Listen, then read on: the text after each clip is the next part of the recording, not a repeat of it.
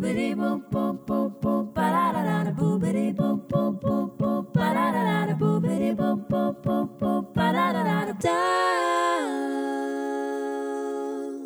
Det här är en podcast om politik och policyutveckling. Och här ska vi dyka ner i olika aktuella innovations och forskningspolitiska teman.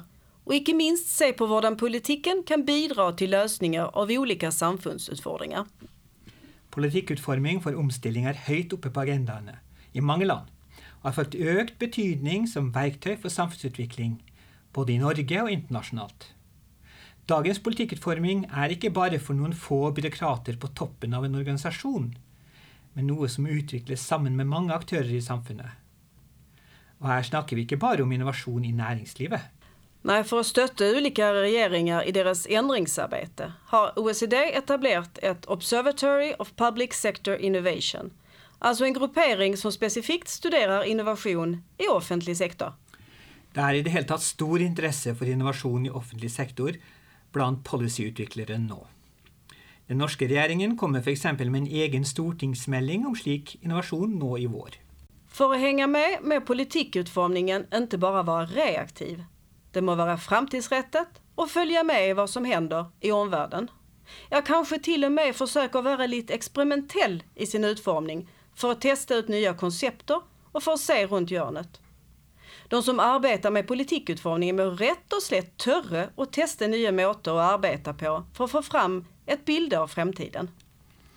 Vi ser ju att organisationer som FN och OECD arbetar med framtiden i sin politikutveckling. UNESCO bruker begreper som future literacy, eller fremtidsalfabetisme, for å beskrive den kompetansen som trengs for å tenke kritisk om ulike fremtider. OECD har också tagit initiativ till en satsning på Anticipatory Innovation. Genom olika metoder och verktyg samlar man kunskap för att försöka identifiera vilka spörsmål och framtidsscenarier som kan vara intressant och möjliga. Här är naturligtvis osäkerheten stor och det kräves både en öppen och experimentell mindset hos aktörerna.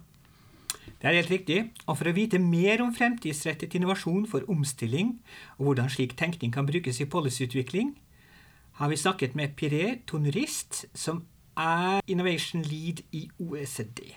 My name is Piret Tenorist. I work at the OECD at the Observatory of Public Sector Innovation, and I lead the work on anticipatory innovation. So what is anticipatory innovation? Why do we have to work with that?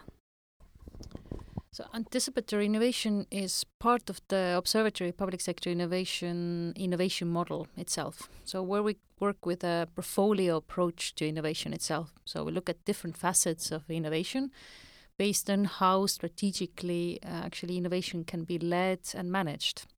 So, we talk about mission oriented innovation when it's very top down heavy, when we define missions and goals. We talk about that adaptive innovation where it's undirected where the leadership role or the organizational role is actually to create an environment that adapts to new changes coming up uh, or things that need to be tested we also talk about enhancement oriented innovation which is connected to certainty but uh, on the other side we also talk about anticipatory innovation where uncertainty is extremely high so we talk about those plausible futures and questions uh, around uncertainty uh, connected to innovation itself. So you will hear a lot about uh, anticipatory governance and anticipatory innovation in the future. Because this is also something, a topic that has been picked up by the European Commission as a major issue in the in the upcoming seven years that the new Commission at the European Union is going to uh, be working on. And it's important to actually talk about the differences about these different concepts that are connected to anticipation, anticipatory innovation, anticipatory innovation governance itself.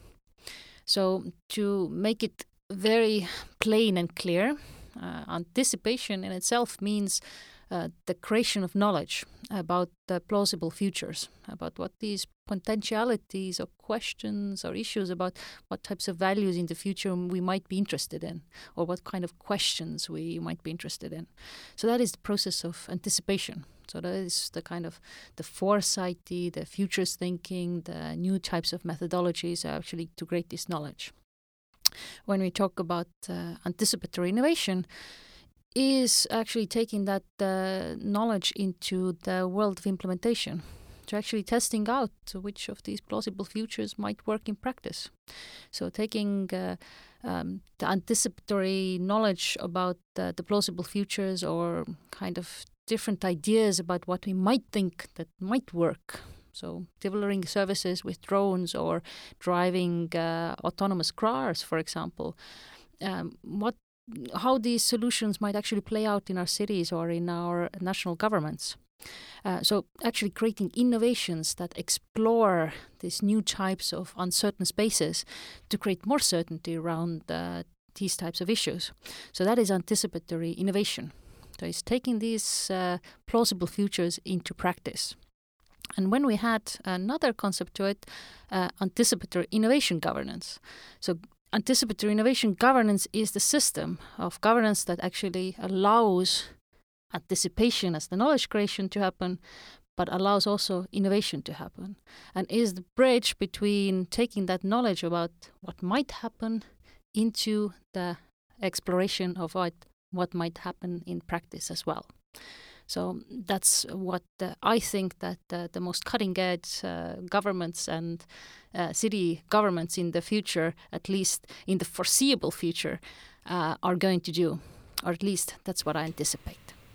Dette har vært en episode av Filibuster, en podkast som utgis av fagbladet Forskningspolitikk og forskningsinstituttet NIFU. Vertskap er Petra Andersen og Per Kokk. Du finner mer om bladet og podkasten på fpol.no. Der kan du også abonnere på papirutgaven av Forskningspolitikk. Abonnementet er gratis. Kjenningsmelodien er fremført og komponert av Lene Andersen Vinje. Forskningspolitikk utgis med støtte av Norges forskningsråd. Boop.